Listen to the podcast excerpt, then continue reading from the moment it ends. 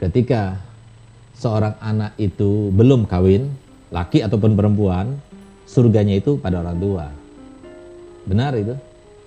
Begitu pula bagi anak laki-laki, walaupun sudah kawin, surganya itu ada pada orang tua. Jadi kalau kita ingin tahu Allah ridho atau tidak, mudah. Tinggal bagaimana orang tua kita. Dan orang tua kita ini adalah orang tua yang bijak. Yang cintanya itu abadi sepanjang masa.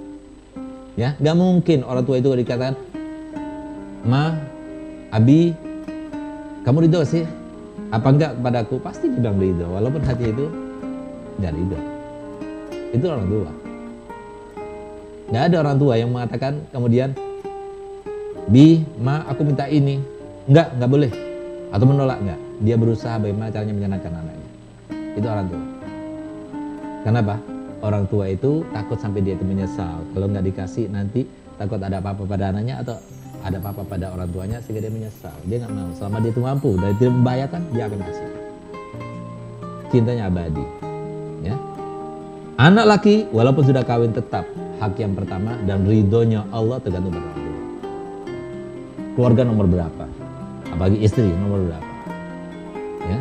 Nah, tapi kalau seorang wanita tidak, ketika belum kawin surganya adalah orang tua dan nerakanya juga orang tua. Tapi begitu dia kawin, maka berubah keadaannya. Yang tadinya orang tua sekarang sudah bukan lagi suami. Innama jannatuki wa naruki fiyadi zaujiki.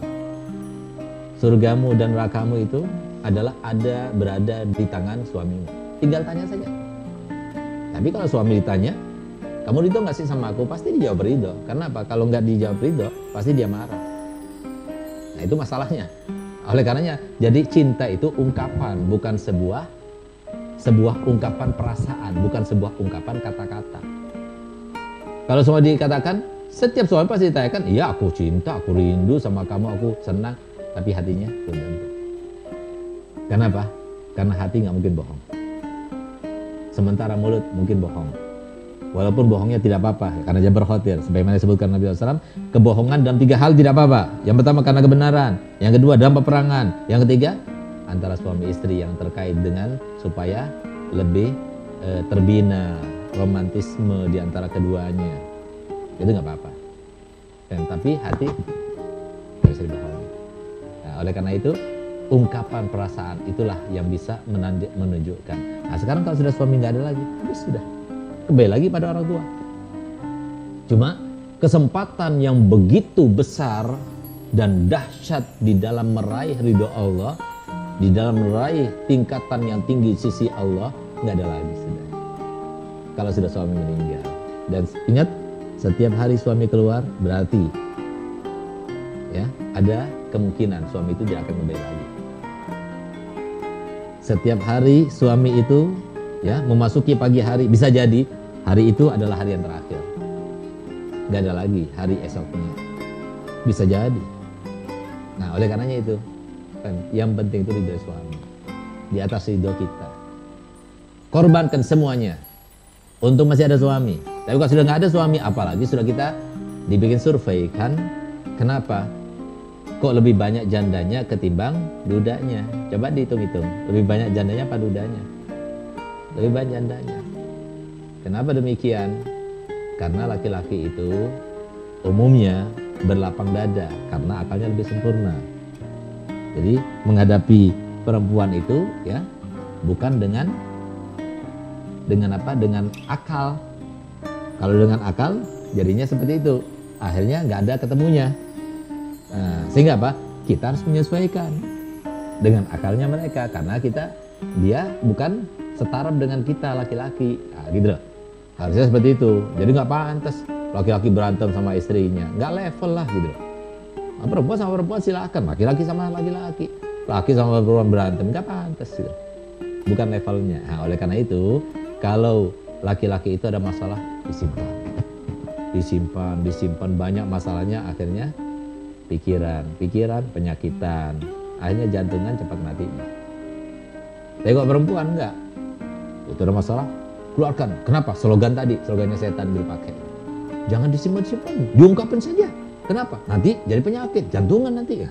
Tapi tunggu aja nanti kalau di kuburan dipentung sama malaikat nanti. Nah, oleh karenanya jangan, jangan. Tahan, sakit hatinya saat biarin tahan, di situ ada surga. Ingat kan? Kapan kita menemui Allah? Kapan kita merasakan Allah dekat kepada kita? Kapan? Ketika kita bahagia? Ketika kita dapat uang? Hah? Kapan?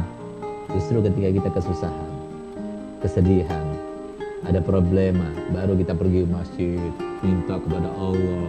Khusyuk, sholatnya yang biasanya sholatnya biasa-biasa, khusyuk sekarang. Yang biasanya nggak pernah datang kepada orang alim, datang kepada orang alim, kita doa. Yang nggak pernah ziarah kepada orang wali, asal ziarah. Karena di situ ada Allah. Kesusahan itu ada Allah. Bahkan kalau kita ingin tahu, ya paling dicintai oleh Allah itu siapa? Yang paling banyak masalahnya, yang paling banyak kesusahannya. Sesuai dengan sabda Nabi SAW, "Idza habballahu abdan ibtala." Kalau Allah Taala sudah cinta pada seorang akan diberikan cobaan demi cobaan kepadanya. Ayo lawan, nah, berasa jangan diikuti apa kata gue, jangan. Ya, apa kata hati kita, jangan. Lawan, lawan walaupun sakit. Nanti lama kelamaan tidak akan sakit lagi. Sebagaimana dikatakan oleh Imam Busiri, An-nafsu katifli intuh milhu syabba ala hubbir radai wa intaftimhu nah, jadi harus dikekang. Jadi nggak ada jalan lain jadi nafsu itu harus kekang dilawan. Nanti pertama berat sekali lama kelamaan ringan. Ringan jadi kebiasaan. Kalau sudah jadi kebiasaan nikmat rasanya. Sama seperti kenapa kita makan? Karena kebiasaan. Nah, karena kebiasaan makan jadi kalau nggak makan nggak enak. Kenapa kita tidur? Karena kebiasaan kalau kita nggak tidur, nggak enak. Kebiasaan tidurnya 6 jam atau 8 jam. Tidurnya 4 jam, kok pusingnya? Nah itu kan perasaan doang. Jadi, nah itu. Karena Pak nggak istiqomah, makanya istiqomah itu paling berat. Karena Pak istiqomah itu berlawanan dengan apa? Hawa nafsu. Jadi yang mau mujahadah, istiqomah itu adalah andalannya dan senjatanya. Semoga kita termasuk yang, yang apa bersenjatakan istiqomah dalam mujahadah kita. Amin ya rabbal alamin.